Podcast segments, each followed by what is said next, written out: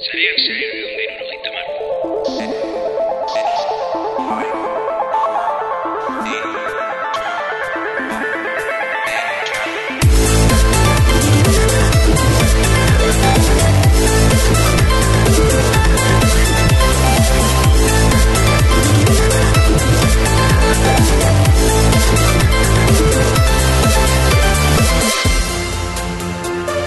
Lurralde txikia izan arren, Euskadik ikusentzunezko ekoizpen handia izan du beti, baita erratearen eta podcastaren esparruan ere. Horren erakusle da, aspaldidanik oiko topaketak egiten direla, Euskal podcasterrak biltzen direla, eta podcastak ere egiten dituztela zuzenean eltzuneen gana urbiltzeko guk ere parte hartu dugu horrelako topaketa batzutan. Topaketa horietako bat, hilaren amazazpian izango da, andoainen, Xarma Tabernan konkretuki, Euskal Pod egiten duen talde berak antolatuta podegun bat e, izango dute eta podegun honek dos kapacitadas eta cambiando de tema gipuzkoako bi podcastak izango ditu. Lehenengoan, Olga Grandek eta Junkal Zepedak euren podcastaren lehen denboraldiaren errepasoa eta esgaitasunari buruzko solasaldi irekia egingo dute. Eta bigarrenean, Iker Casaresek Andoni Agirre Gomez Korta elkarrizketatuko du.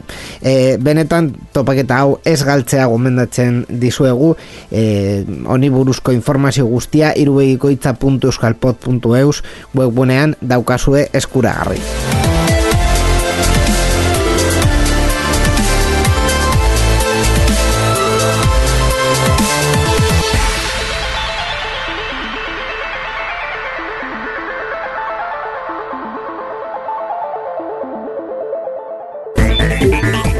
Irratsaio hau Creative Commons aitortu ez komertziala partekatu berdin lau puntu zero nazioarteko lizentziarekin banatzen da. Horrek esan nahi du gure edukiak nahi beste partekatu ditzazkezula. Informazio gehiago nahi baduzu josareanzear.eus webgunera.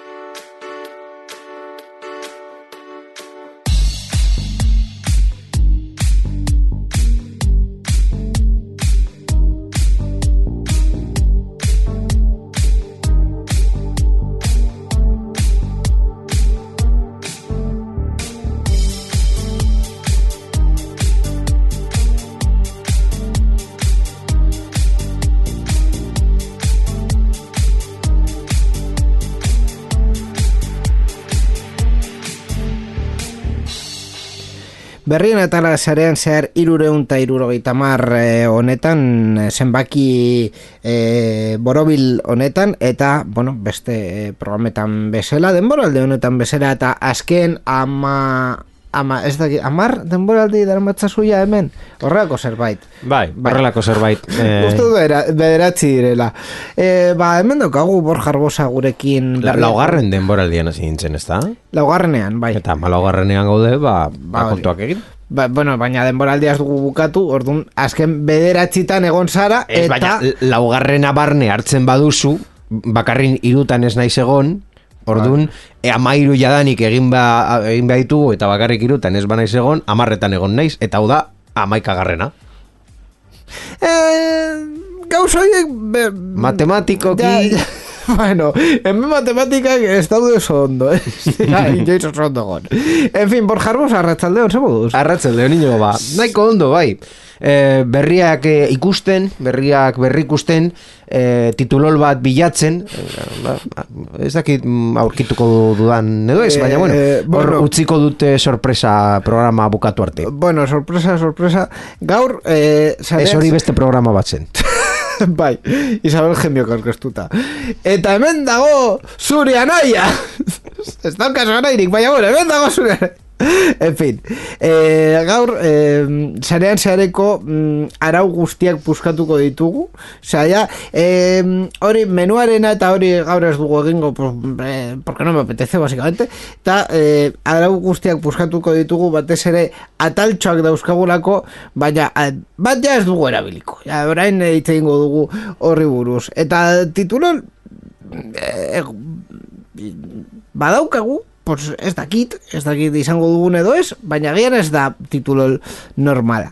En fin, eh, teknologiari buruzko berriak komentatzeko, kontsumitzailearen es, kontsumitzaileen eskubideari eskubidei, oi, ama, kontsumitzaileen eskubidei, eskubidei buruz hitz egiten hasiko gara. Ze erlazio dauka honek teknologiarekin? Bueno, erdi erdi, vale? Osa, ikusiko duzu kontua da, Europan, eh, legedi... Non, non? Europan. Eta ez daukagu sintonia bat horretarako? Ikusten duzu, de, ja, programa honen arauak puskatu ditugula... Eh, pero por lo Ez hainbeste, ez hainbeste. Bueno, a ver, superioria jarri behar beharko dugu. Eh, Eta beste sintonia batzuk ere. Bueno, ez, ja ikusiko dugu. E, dena den, beste, ez daukagu besten, ez, bakar berri hau daukagu Europari buruz hitz egiteko, orduan, hemen dago bere sintonia.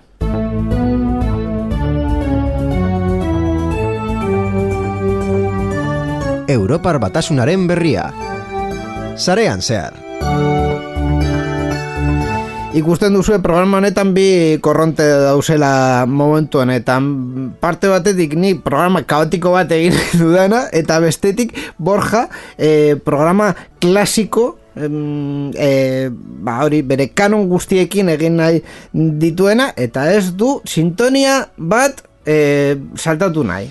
Osea, argi dago. E, e, erantzun eman, zuk egingo zenuke zure kasuan komediaren kluba alde batera utzi nahi bagenu?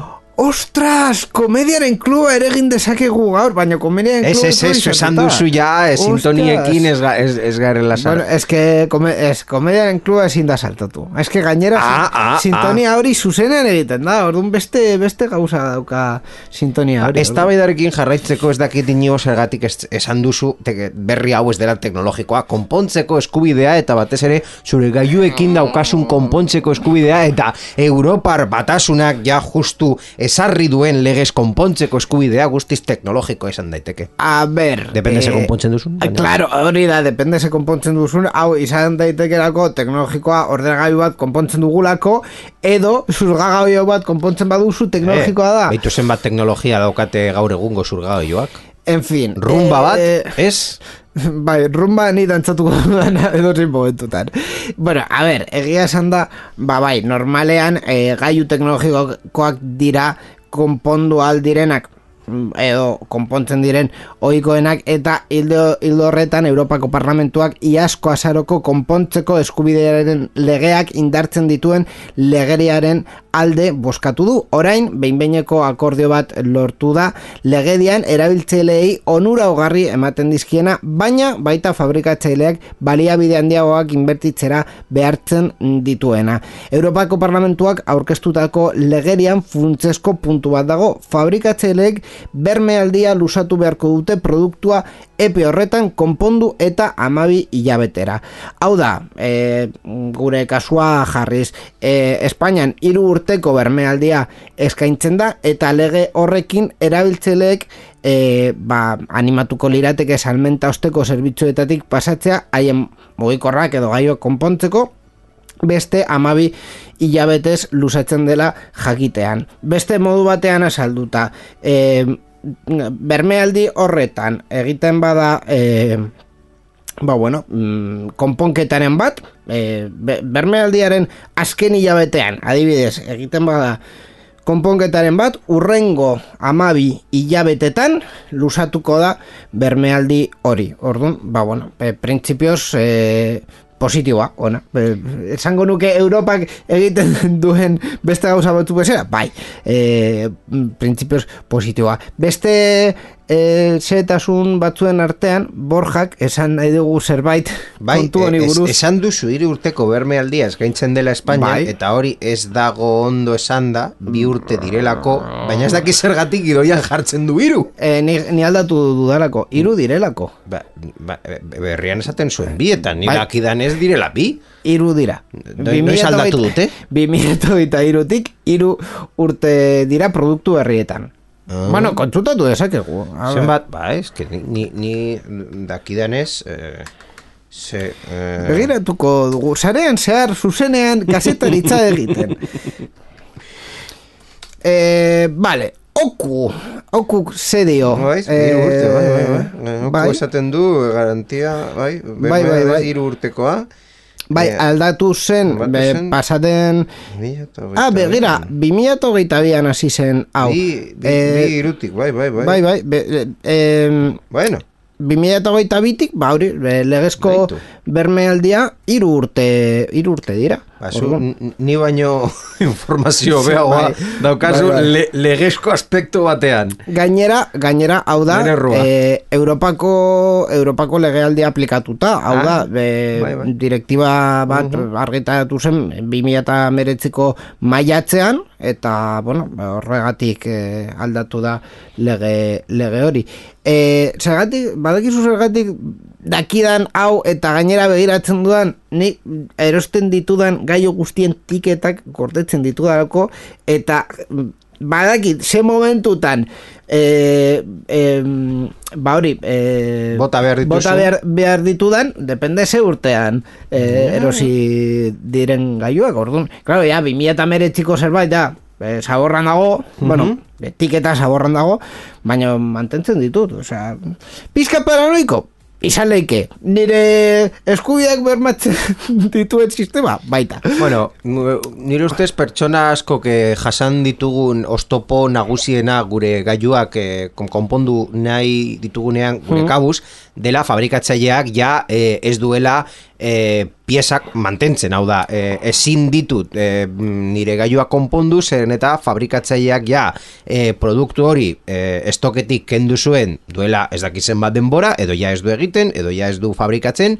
edo ja ez du saltzen, eta eh, ez, ezin duzu, ezin duzu gu- gutxienez eh, pieza espezifiko eta ofizial batekin. Claro. Agian, eh, irugarren enpresa batek egiten ditu piezak, baina hori ja ez da eh, servizio tekniko ofiziala. Claro, 2008 bitik jakin behar duzu, oza, hau ez dela berria, baina ja informazioa emango dizut, 2008 bitik eh, fabrikantzaileek mantendu behar dituzte konpontzeko piezak eta zerbitzu teknikoa amar urtez eh, gaiu hori fabrikatu eh, fabrikatzea usten eh, denetik, hau da, eh, azken, eh, jo que se, zurgagailua fabrikatzen denetik modelo horretakoa, amar urt, urrengo amar urtetan mantendu behar dute eh, piezak eh, izatea eh, konponketak egiteko eta zerbitzu teknikoa eh, ba, behar den bezala.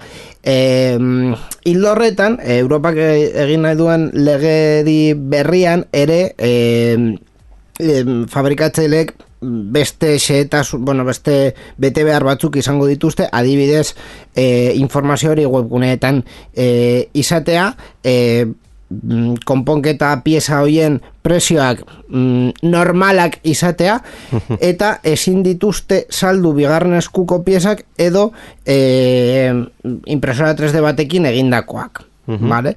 E, orduan, ba, bueno, e, ba, mm, sakontzen dira azkenean, ba, legedi honetan eta hildo honetan, non, ba, bueno, e, printzipioz eskubide gehiago ematen e, dizkigute, e, konpontzeko gure gure gaiuak azken finean. Eta hori da berri guztia. Ba, bueno, eh, joan dezagun ordun disfrutatzera gure eskubideekin.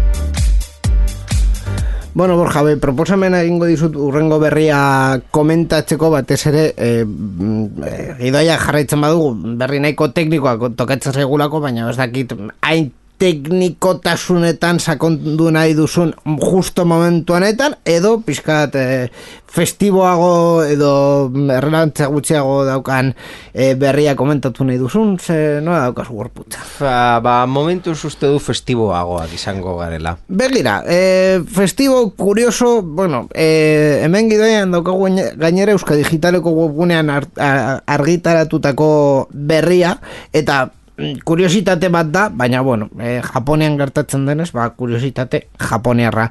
Kasu honetan, Japoniako gobernuak lege bat aldatu du enpresak eta herritarrak dokumentu ofizialak formatu digital fisikoetan aurkestera behartzen zituena.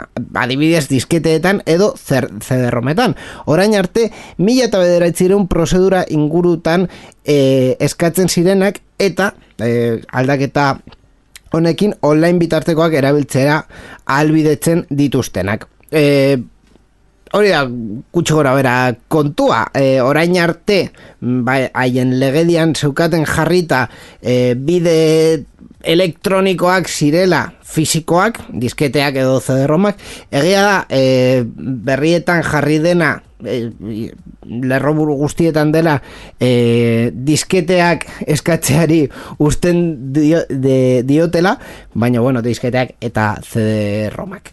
E, horren dira, Japoneako gai digitaletako ministroa dela Taro Kono, esan du, eh, esan zuen bineta goita bian, eh, ministerioak disketei gerra deklaratu nahi ziela.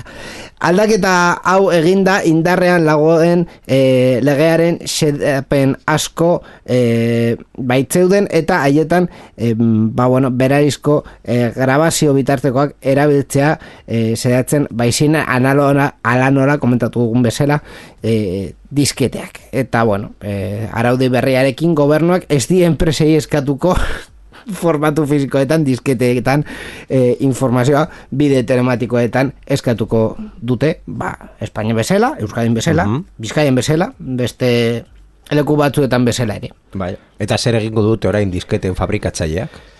Eh, uste dut ja egiten zuzenean. O sea, claro, esan dakoa, disketea baina, jarri da hemen lerroburutan, baina momentu disketeetan... momentu on, hau, eh, eh, agertu arte, jendea derrigorrez erabili behar zuen disketeak, bere, es, eh, eh, eh, es, es, zerbitzu burokratikoetan, orduan, sub atzo arte, disketeekin, e, aurkeztu behar bazenun zure, ez daki zer dokumento tramite burokratiko bat egiteko basegoen enpresa bat oraindik fabrikatzen zituena Ba, de hecho, Edo, ba, non dik lortzen dituz, dituzu diskreteak ez badaude enpresa ba, fabrikatzen ba, dituela. Badago enpresa bat, eh, dela estatu batuetakoa, bueno, da, badau tipo tronatu bat deitzen dela Tom Persky, daukara ber enpresa floppy disk, eta diskoak ez ditu egiten, 2000 maikan eh, fabrikatzeari usten eh, utzi ziotelako batez ere Japoneako eh,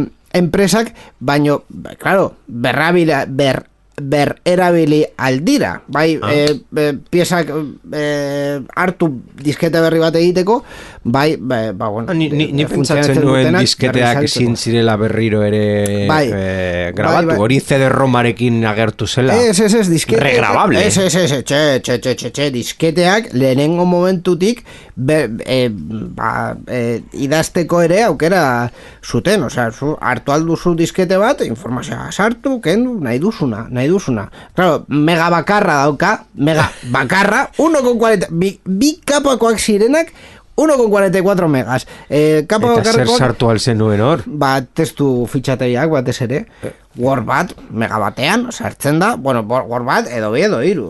Eh, claro, fitxategi handiagoak egin nahi badituzu, ja, satitu behar duzu. Claro. Eta me, diskete bat baino gehiagotan. Osa, PDF jarra. bat, ja, segun ze...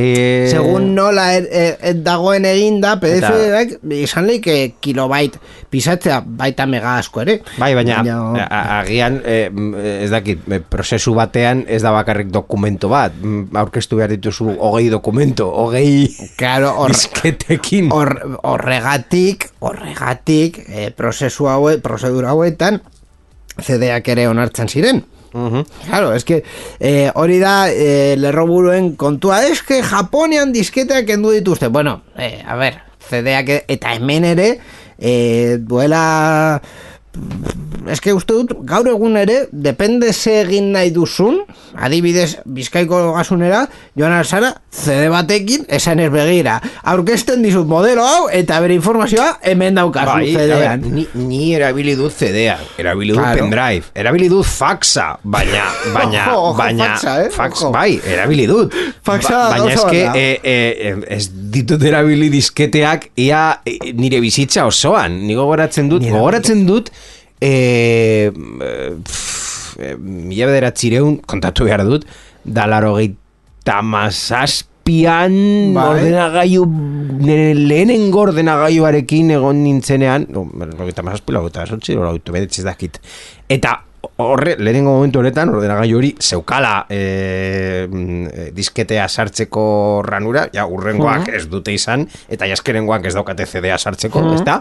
Ordun e, eta bai momentu horretan lan e, lan e, etxeko lana edo edo edo informatika informatikan e, e, eskolan ikastolan egin nuen diskete batekin baina hori zen nire lehenengo eta nire azkenengo esperientzia diskete batekin eta hogei urte pasa dira. Kontatuko dizut nire, ni gogoratzen dudan azken esperientzia geroago ere, badakit nire etxean daudera disketeak eta uste dut e, orain ditako dara zerbait diskete horiek irakurtzeko eta berse ni, ni, ni ikusi, ikusi nituen zure etxean e, boligrafoa gordetzeko kutxatila bat egiten. Ah, bai, bai, hori, hori baita, osea, ja er- erabiltzen ez nituen disketeekin, e, kutsa, uste dut bi egin ditu dara. Bat, hemendik dago? Ez dakit hemendik dagoen, oien Eh, bat. ez dut ikusten. E, uste dut ez Baina ni, ni ikusi nuen bai. Ba, ba, eh, baina horretaz zuela- aparte, ni gogoratzen dudan azken erabilera izan zen 2005ean, 2005ean eh, Renault Formula bat formulako taldeak egiten zuten poster digitalak, bere kotxen posterrak, baina ba hori, alau tamainan, Bai, ez bai, bai. handiagotan, eta gar, garai hartan, ez dut aipatuko non, baino, e, nire aitarekin ni joan leku batera interneta zeukana, e, nire etxean zegoelako bakarrik telefono bidezko interneta, osea, ni ADSL, ni kable, ni Bai, moden batekin moden eta... batekin, orduan, geisten nuen Renault webguneko eh, argazkiak diskete batean sartzen dituen eta nire etxera ematen dituen. Buf. Garai horretan ere, nire aita eh, o- erosi zidan lehenengo pendrive giga bat zeukana eta gainera aplikazioak zeukana, baita ere barruan. Bai, Osea, un dispendio Ni, ni horatzen duen, nire lehenengo pendrive agian esan nuen 2000 eta sortzi, eta ja e, ba, karrerazte nengoen, orduan... E, Fíjate, fíjate, ba hori, disketea Eta bizitza gainera askotan. Japonian pentsatuko zenuke, buah, Japonian daude superadelantao, Eh, sortxika telebistarekin, eta hori guztia. Japonean oraindik adibidez Epson du Espainian eta Europan eta estatu batuetan ja duela urte asko ez dituztela ordenagailuak egiten Epson eh, egiten ditu ordenagailuak Japonean eta dira eta diskete diskete irakurgailuekin, o sea, es una cosa Bueno, bueno, pues, izango da industria nazionala. Eh, hemen ardoa bezala, ba, hor egiten dute disketeak. bai bai ziur.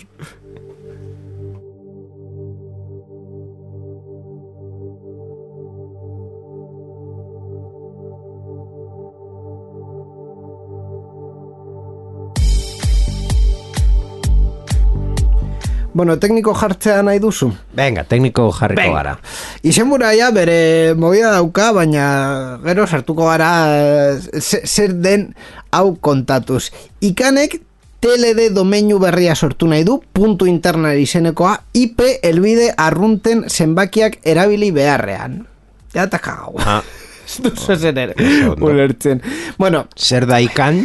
zer da ikan, zer da TLD, zer da IP elbidea, hau guztiar... Eh, pelbidea, dugu. bai.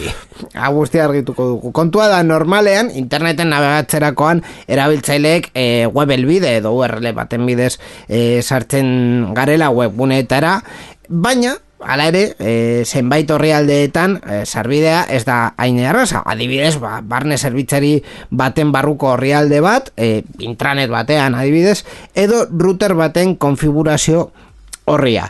Kasu horietan, URL bat erabili beharrean IP helbide batez sartu behar gara. Adibidez, nabigatzaile batetik router bat konfiguratu nahi izan ez gero, oiko nada e, bat bederatzi bi punto bat seisortzi puntu zero puntu bat edo bat e, bederatzi bi punto bat seisortzi puntu bat puntu bat bezelako helbideak erabiltzea. Hori da, IP helbide bat, eta e, hori, ba bueno, e, ordestea nahi du ikan. Ikan da e, mundu mailan domeinu guztiak e, kudeatzen duen elkartea, mm organizazioa, vale?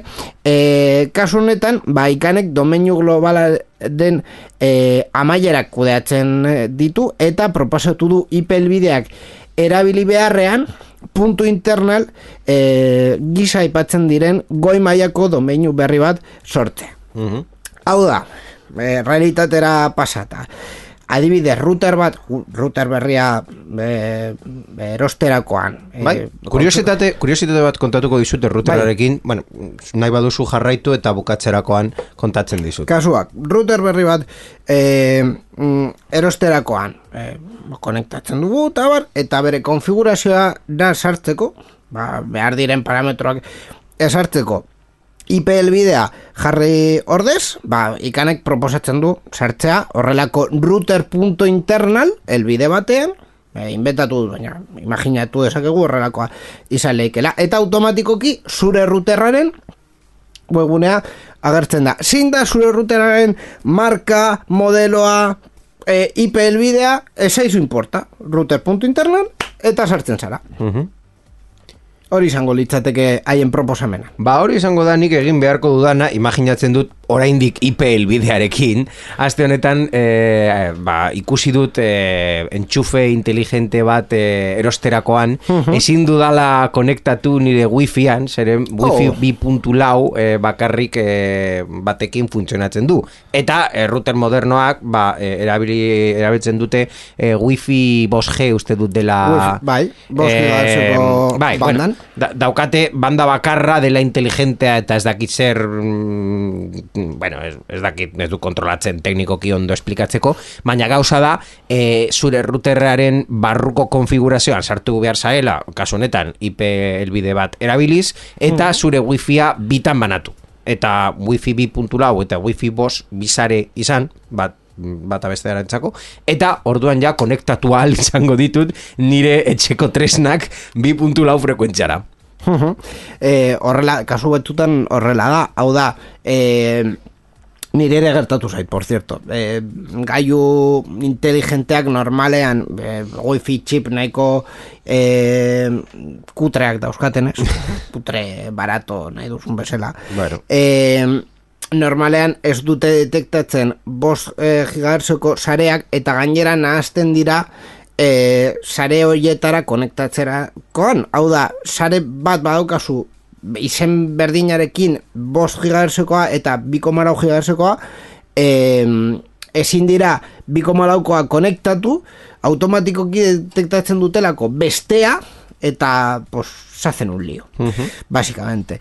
Eh, Orduan kasu horietan bai, banatu behar dira sareak eta e, biko malau gigazokoa beste, beste izen bat jartzea, edo gigazokoa beste izen bat jartzea. E, gehienetan, e, operagailuen routerretan horrela konfiguratzen dute, baina bueno, e, batzutan, nire kasuan adibidez, ba, e, bateratu nituen wifiek eta gero, ba, e, enfin, separatu behar nituen. Horrela da, eta bueno, e, sin más kuriositate bezala, ondo dau, batez ere, erabiltzaile, etxeko erabiltzaileen bizitza errasteko, ez digu hau orokorrean bizitza aldatuko, gainera enpresa handietan horrelako barneko domeinioak erabiltzen direlako. Bueno, handietan, txikietan, administrazioetan, hemen, oza, Euskal Digitalen daukagu e, zerbitzari batzuk, ed domeinioarekin, eta ed ez, ez da interneten existitzen den domeinu bat, gainera jarri diogu punto ede ez delako existitzen interneten. Eta, eta bueno, ba hori, zerbitzu txikiak dauzkagu hor, e, webune bat zuetan, e, bukatzen dutela puntu ede domeinu horrekin. Ba bueno, proposamen e, interesgarria.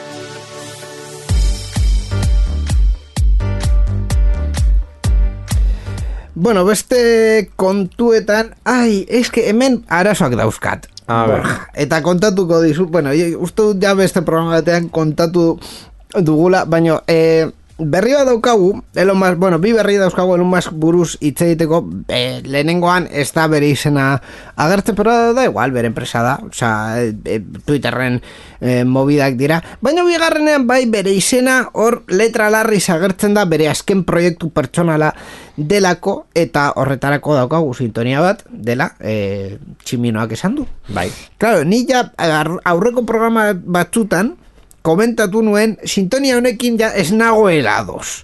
Ze gertatzen da sintonia honekin? E, lehenengo, tximionoarena, e, referen, Los Simpsoneko referentzia bat da, e, mm, konkretuki amabigarren edo bere garren, ez dugu goratzen. Orain dela denboraldi asko. Denboraldi, orain dela denboraldi askoaren eh, referentzia bat da. Uste dut na- dena den izan dela azken sintonia guk eh, inventatu Bai. Hori horre- bai dela. Horrela da. E, e, e, e, Simpsoneko txiste bat da, baina tximinoa ez da tximino fisiko bat, da Homer Simpson bere buruan daukan tximinoa Bai. e, ba hori, proposatzen diola edo e, esaten diola zer egin behar duen Gorila bat. gorila bat, konkretuki. Beste momentu batzutan tximino txikiago bat izan da, baina justu esketxo horretan gorila bat da. Orduan gorila, tximino bezala, e, e, itzuli genuen. Baina, claro, e, erraz e, konfunditu leike tximinoa, bere burmuinaren tximinoa, tximinoa per, pertsona, tximino bezala, e, izendat, izendatzen ari dugun, e, ez dut hori Ah, nahi. Uste du gure entzuleak jadanik ja dakitela gure... Ja, baina ni ja Barruko- ez nago eroso sintonia honekin. Orduan, Ai, ai, ai. zu eh, horrela esaten baduzu. Eta eske gainera... Nahi duzu kreatibo jartzea eta beste sintonia bat ateratzea Elon Musk buruz hitz egiten dugun bakoitzean. Eh, ez... Ez daukagu aurrekonturik hori egiteko. Eh, hori da, ez daukago horrekonturik esertarako. Bai, bueno, hori ez duen, ez duen esan nahi horrela, baina... Baina, kontua, eske gainera gero eh, hartu nuen bertsioa dela Where in the Money, duela ba, mila bederatzireun eta hogeiko Bai, eh, abesti bat, hainbat aldiz eh, bertsionatu duena, eta justo aukeratu nuen bertsioa dauka a, lehenengo segundutan horrelako trompeta bat, trompeta fanfarria mexicana, osea, hau da, hau... Bueno, hori- agian zure burua da trompetak erabiltzen badituzte Izan leike- dela mariachi talde bat eh, jotzen duena. Baina ni kontatzen ari dut, orain zergatik ez dagoen ados sintonia honekin. Dena den, como está muy insistente, Borja, sintonia jarriko dugu, vale? Eh, baina oso astuna zarerako batez ere. Es que todo, es que todo mal, tximinoak esan du. A ver, abesti animatua da, baina... Ah, Vale, bueno, ze gertatu da konkretuki Elon Muskekin, es que gainera eh, hemen daukagun berria baita ere, eh, es que todo mal. O sea, quiero decir, Elon Musk bere ideiekin eh, ba, genekien ja, ba hori experimentazioan zegoela eh, Neuralink enpresarekin eh, ba, zerbait txip bat jartzeko pertsonen burmuinean. E, eta ja, iragarri dute, ba, egin dutela, eta oso polita guztia, eta oso ondo. Claro, e, ez dute frogarik argitaratu, hau da, e, Musk esan du, e, gainera Baina Twitterren. idea oso polita ba, akide mugikortasuna galdu Bai. duten pertsonek, smartphone bat, edo ordenagailu bat adimenekin kontrolatu alizateko. Bai, bai, bai. E, ideia berez oso, oso polita da. E, esan du, e, Musk Twitterren lehen pertsona e, ba, bueno, e, bakuntza ja, bakuntzatik pasa dela eta ondo ari dela erantzuten eta bueno, e, e, hasierako emaitzek gaiur e, neuronalek detek, neuronak detektatzea e, erakusten dute. Orduan, printzipioz txipa funtzionatzen du. Eta printzipioz ba bueno hori e, mugikortasuna galdu duten entzat e, ba, bere onurarako egin nahi e, duela. Baina ara- arazosko daude lehenengo ez dute esan ez dute erakutsi nola funtzionatzen duen eta ez dute pertsona horren e, daturik eman, suposatzen dut, pribautasunetik, Bai. baina, klaro, bestetik, ze froga daukagu, hau, egia den, e, masken hitzak dauzkagu froga bezala, baina, en fin, e, ez dago ezer gehiago, ez dute erakutsi, Claro, fase Nola beta batean daude, duen. imaginatzen dut ba gauza mm, kontrastatuta guztiz dagoenean eta merkatura ateratzeko lehenengo momentua Ja! agertzen denean egingo dutela froga komunitate zientifikoarekin zen azkenean eh, ni ez nago guztiz guztiz esperto eh, kasu hauetan baina medikamentu bat merkatura ateratzeko autoritate nazional bateko onartu beharko du e, ja! FDA deitzen den eh, Kasu- Amerikako estatu bai, batuetan, ez? Kasu, Eh, kasu horretan, bai, bai, baina, eske, hau ez da, ez da medikamendu bat. Bueno, hau- mm, hau- gaiu mediko bat, ez, Gailu ez da me- medikamentu bat, baina gaiu mediko bat da, eta, gai, eta gaiu mediko bat pertsonetan implantatzen duen hardware bat, hau da, ez, ez dago mm, presedente asko, baina ni imaginatzen dut baita ere exoeskeletoak e, mobilitatea galdu Ja, duen pertsona baino- batek erabili alduena, baina azkenean, baina exoskeletoak kanpotik doazte. Bai. Osea, e, ez, Bai. ez, ez gara sartu, momentuz, Bai. oraindik ez gara sartu pertsona baten gorputzen zerbait sartzeko e, implantenak eta, bueno, E, gauza e, ja, e, e, hori ja existitzen da jadanik. Pertsonaten gorputzean adibidez, e, zure e, gorputzen parte bat apurtzen bada, ba, disko hor jartzu, titanioko diskoa jartzen dizute, Ja, eta baita ere, e, badakit txipa jartzen dituztela burmuinean adibidez hidrocefalia daukaten pertsonetan, ba, zure burmuineko likidoak hor... E,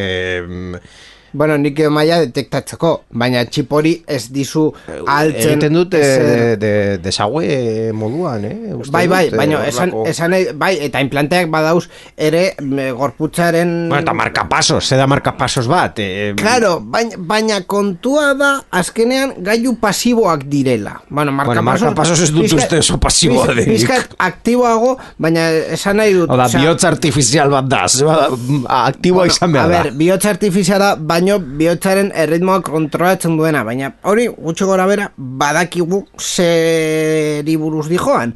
Baina eske hemen, en fin, eh, komunitate zientifikoa, eh, ente... Bihotz artifizial bat ondo, baina burmuin artifizial bat gaizki. Hori da, hori da honen arazoa. Zergatik ondo, zergatik gaiz. Zergatik ondo, zergatik gaizki. Et, eta beste eta beste partetik eske hemen be, e, enpresan lan egiten dutenez e, aparte komunitate zientifikoa non dago. Ez dakit.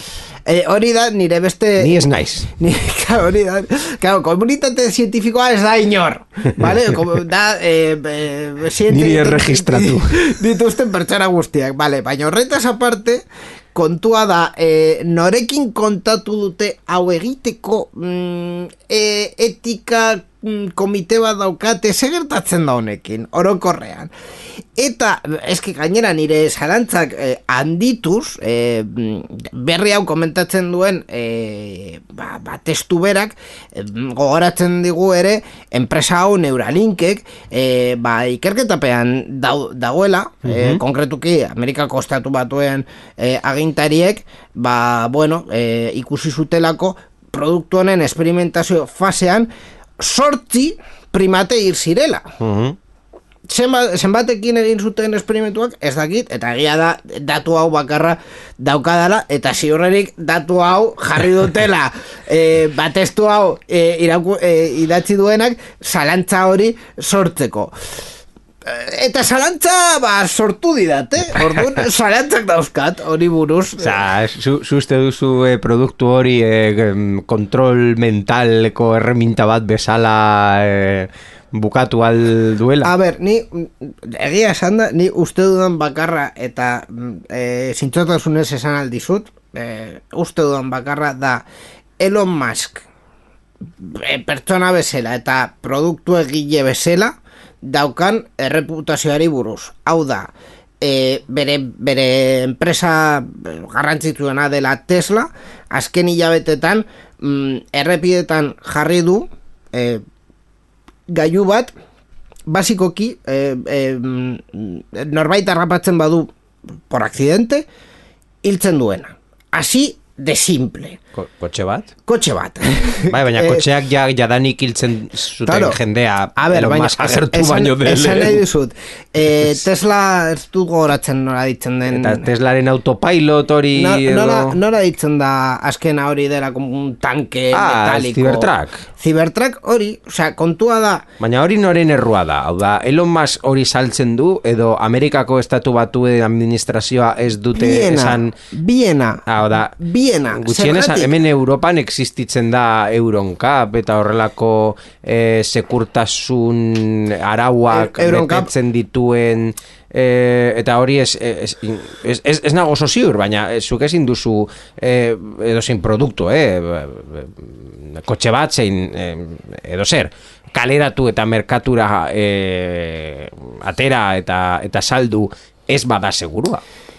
Claro, Eta ez bada segurua, zer- claro, barru- kontua, da zer da segurua. Bueno, gero, eta, gero, eta gero justu- daziak saltzen dira, baina bueno. Eta, eta, eta justu gainera, Euroncap daukan akatza, izan leike eh, Euroncap dela eh, baremo komparatibo bat. Hau da, eh, urte horretan saldu diren kotxeen Bai, artean... Euroncap de se- zen lehenengo referentzia ni Segur, dauka, eh, seguruena da- edo segurtasun handiena ematen duena bost izar dauka eta e, gutxiena bat edo zero, Bai. depende. Aha. Orduan, e, zein da kontua, adibidez, Tesla, e, osea, e, Daciakin, e, Daciak saltzen dituen autoak ez dira seguruak, bai, badira seguruak, baino minimo minimoak betetzen dituzte. Bai. Hau da, Europan saltzeko minimoak bete eta está. Orduan minimo batzuk daude.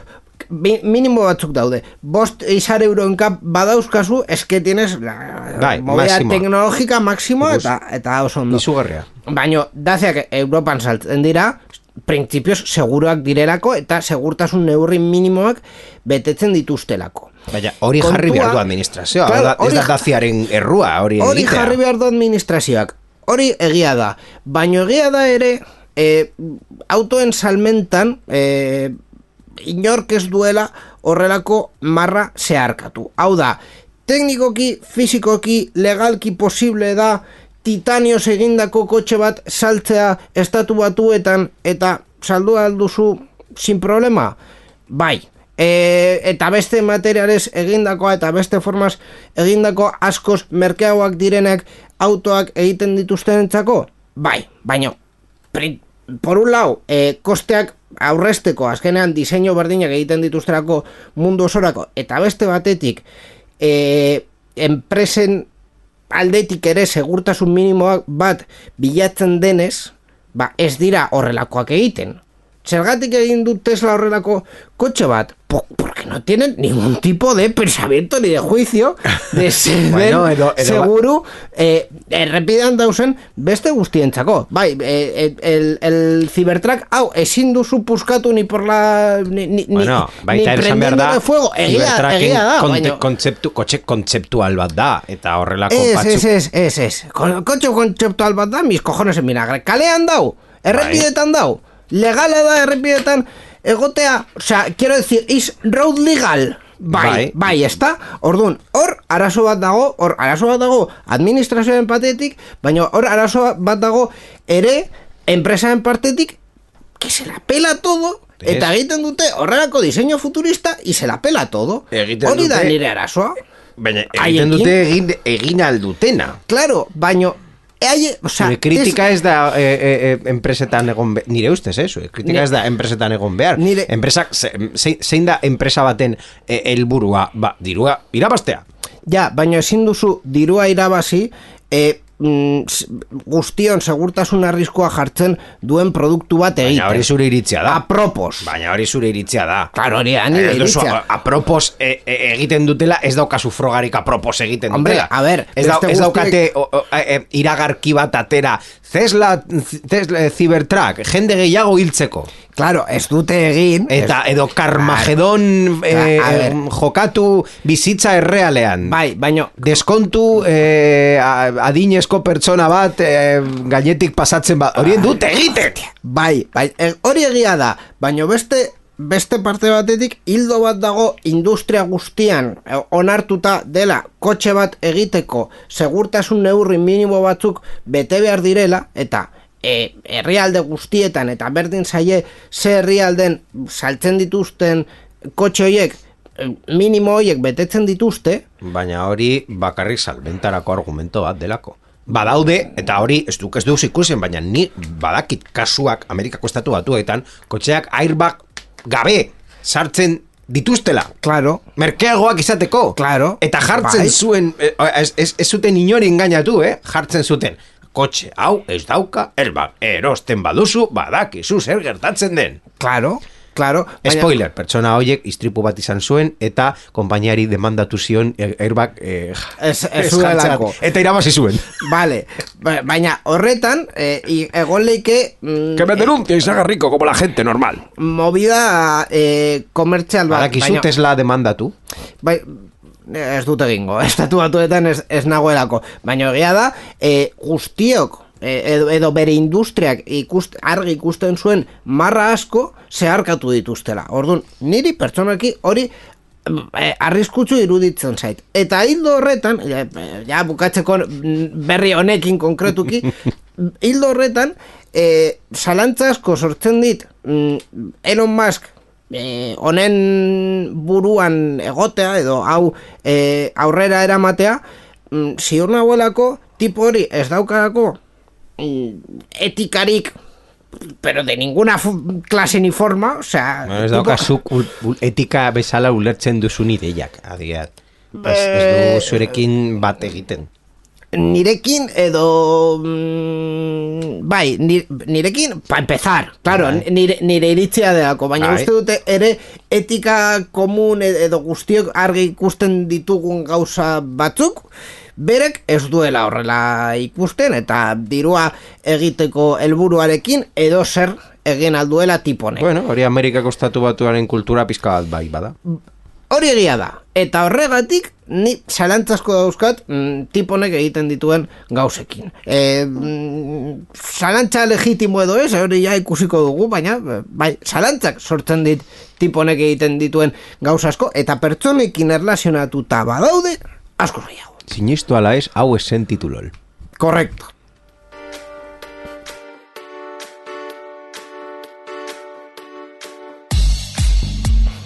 Oye, titulo buruz, ja, saltatuko ditugu beste berri guztiak, porque beste, osea, hau, beste guztiak, hau Ah, konparatzen jo- badigu, Jungo zara ja...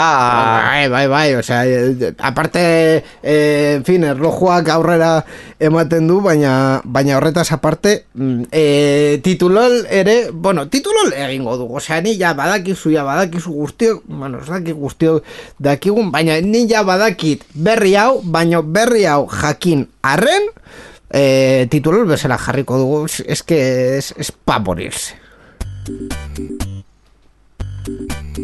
Titulol. Ez dut betiko sarrera egingo, ja, badakizulako, ni berri hau dakidara, baina eske, e, ba, baina harritzekoa da, osea, nola norbait izan duen e, tremendo rostrazo. Tremendo rostrazo. Horre, horrela esan behar dugu. Osea, nola, pertsona batek izan alde tan deskarau de A la ber, vida. eh, mm, eh, disclaimer ban hemen ni egin beharko dut zeren informazio hau ez dago guztiz kontrastatuta. Hau da, bakarrik ikerketa bat, periodista bat egin duena, eh, el país baita ere, ba, pizka bat esaten duten bezala, eko egin duena, baina ez da, ez da administratiboki frogatu, ez da epai batek eh, sententzia batean eh, esan. Hau da, hauek bakarrik dira indizioak eta guztiok eh, ez gara errudunak eh, de, demostratu arte. Bai, bai, baina, baina hau tu Vale? fotoka, que Vale? flipas. Venga, ba. Ba, gure, gure protagonista tituloren deitzen da Ruben Lucas García. Eta, Espainian, sari guztiak irabazten ditu. E, e, basikoki, ba, bere izena Googleen e, tekleatzen baduzue, Ruben Lucas García esan dudan bezala, ba, inauteri eta jaien diseinuko dozenaka eta dozenaka kartelak irabazten ditu. Hau da, e, adibidez, iruneko kartela, hor jar, jarri, jarri duzun kartela e, beheko partean, e, iruneko e, informazioa Twitterran jar, jarri dute, hau izango da iruneko... E, e, kasu honetan e, inauteriak, bai, inau, e, inauteriak irunekon izan, izango duen kartela. Baina ez bakarrik hau, baizik eta beste dozenaka eta dozenaka kartel e, zenbaketa labur bat egiten 2000 eta hogeita lauko mm, pare bat egun daukagu e, hilabete bat eta eta, eta E, aste bai. bat. Ba, e, Rubenek bos sari ja irabazi ditu astean bat. E, erabiltzaileek ba, ustezko ilustratzailea kritikatzen dute haren lan asko antzekoak direlako. Eta litekeena, litekeena da adimen artifizialarekin sortuta egotea Nor da Ruben Lucas? Zergatik mm, eh, Bai, Gloria Serra Bai, bai, momentu zergatik- egingo dugu zer- investigazio taldearekin. iraba- Irabazi dutu hainbat sari, benetazkoa da edo pseudonimo bat da. E, marrazkiak egiten ditu edo bere garaiaz aurrera dago. Ikerketa hori frogekin, frogekin demostratuko dugu Ba. programa honetan eta lehenengoa hor hor ikusten duzuena da. Hiru kartel estilo nahiko berdinak dauzkatenak e, bata komentatu duguna irungo inauterietakoa baino beste bi daude. Sariak e, baita ere em, Irabazi dutenak, irabazi bai. dutenak inauterietakoak 2008 laukoak eta protagonista neska berdina da. Ze gertatzen ari da hemen? Bueno, hori baina horrek ez du ezer frogatzen. ikusiko dugu Hala, frogatuta dagoen gauza bakarra da pertsona hau murtziarra dela. Vale? Oso ondo. Ez du ez Facebook, ez Instagram, ez Twitter. Ez ditu entrevistak eh, emoten, edo ez asko, edo ez gutxi, edo ez iaia ezer. Eta eh, pertsona batzuk bai pentsatzen dute bere kartelak, bueno, eh, jadanik 2000 eta emeretzi garren urtetik eh, dago kartelak egiten, edo 2000, ma- ma- 2000 eta mazazpi, edo 2000 eta emeretzi, bueno. Eh, 2008 Pista, pista jarri diote eta e, gutxienez 2000 eta meretzitik e, pilo bat eta pilo bat eta pilo bat kartel lortu ditu irabastea e, konkurtso honetan. Eta noski e, kartel hoiekin e, sari ekonomikoa dago. Hau da e, ikerketa bat egin eta gero ba, kontatu dute eunda irurogei tamar sari eta eunda mabos mila euro e, tirando por lo bajo da, a ojímetro. Baina bueno Eh, noski, Begira, froga, beste froga bat daukat eh, mm, Hildo berean Bai, bueno, frogak kanba, edo- Kanbasen jartzen badugu eh, Ba hori, pertsona honen tip, eh, Ba neska honen deskripzioa Agertzen dira irudi berdinak. Orduan, hemen bigarren froga. Baina hori indexazio bat izan da, edo... Eh, Hain hain askar Bueno, Hain askar mm, ja, bueno. Normalean, eh, adimen artifizial guztek denbora bat daukate eh, non, bueno, ba hori 2008 bitik aurrera ez dutela informaziorik, hain askar hmm, Ja. susmagarria. Bai, susmagarria, baina ez dago frogatuta eta, eta gero ja estabai da. Hau legala da? Ba, bueno eh, Hor daukazue beste froga. Bai, bai, bueno gauza ilegal bat egin du Ruben. Ez, ziurrenik ez. Ziurrenik ez, bueno, ikusi beharko genuke e, ba, udalak ateratzen duenean, mm, udal bakoitzak noski, ateratzen duenean baseak e, bere, bere konkurtsoetan ba, parte hartzeko eta ze mm, kondizio edo ze neurri jartzen dira e, horrelako e, ba, gauzak egiterakoan, baina ez badago kondizio bezala zu zure e, kartel bat e, eskuz egin behar duzula edo zure mm, ez dakit imaginazioarekin eta eta ezin duzula horrelako be- erremintak beste- atera. Beste, beste froga bat jarriko dizut. 2018ko sari bat jasotzen Gure laguna. Bai 2018ko sari bat jasotzen ja Baia, baia Bai, Photoshop algo- algo asko erabiltzen ze- du. Ze dau berdi Bai, di, di, dirudienez udal batzuk ez ziren fidatzen eta eskatu zioten eh, argazki bat eh, eh, bidaltzea eh, lana egiten. Eta bera horrelako mm, zerbait atera zuen eh, ikusi nola, nola egiten dudan hor eh, Photoshoparekin eh, ikusten da pantailan, ez? Eh, erabiltzen bai, duela. Suposatzen da hori Photoshop, Photoshop. dela Eta gainera Ojo al detalle, o sea, eske hau hau ikusi behar dugu ere, eh? Ojo al detalle, eskua horrela jasota jartzen duela kartelaren aur, a, em, gainean, hau errazago mosteko. Mhm, ja. truko guztiak badaki tipo honek, ze gertatzen da tipo honekin, hori da gure galdera.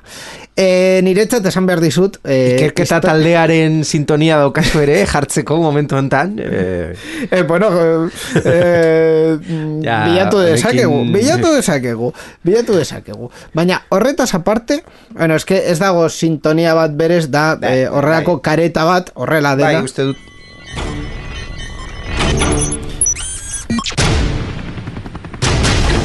Nor da, tipo? Baina nire gustetzen zaidan gehiena de historia honen barruan eta ja bai mostu behar dugu honekin eh, el paiseko eh, kasetariak eh, Manuel Viejok eh, lortu du berarekin hitz egitea eh, telefonos, eh, konkretuki, ba, bueno, esan, esan du murtxakoa dela, berrogeita hiru urte dauzkala, eta ez duela elkarrizketak ematen, e, ba, bueno, bere kontra e, irten aldirelako. Ez aio interesatzen, eta be, bera ja duela urte asko daukada bere e, diseño estudioa. Eta, eh, Manuel, eske galdetu dio, eh, adimen artifiziala erabiltzen duzu zure karteletan, eta erantzuna izan da, bueno, hemen utziko dugu. Beraz, hemen utziko dugu. Bai. Eta, eta onaino, ja. eta naino. Eskerrik asko Borja eh, delirio honetan parte hartzeagatik gaur. Ba hori, ara guztiak buskatu ditugu, baina oso divertigarria izan da. Eskerrik asko Borja. Eskerrik asko inigo eta entzule guztioi, urrengo programar arte. Entzun berri duzunari buruz hitz egin nahi? Zure iritzia jakin nahi dugu, idatzi ezaguzu Twitterren gure erabiltzailea, sarean zehar da. Gure Twitcheko emanaldietan ere parte hartu eta zure iritzia eman dezakezu programa egiten dugun bitartean. twitch.tv barra sarean zehar. Gainera, zure ekitaldiaren edo ideiaren berri eman nahi baduzu, posta elektronikora idatz diezagukezu info abildua sarean zehar.eus. Sarean zehar, zure mezuen zain.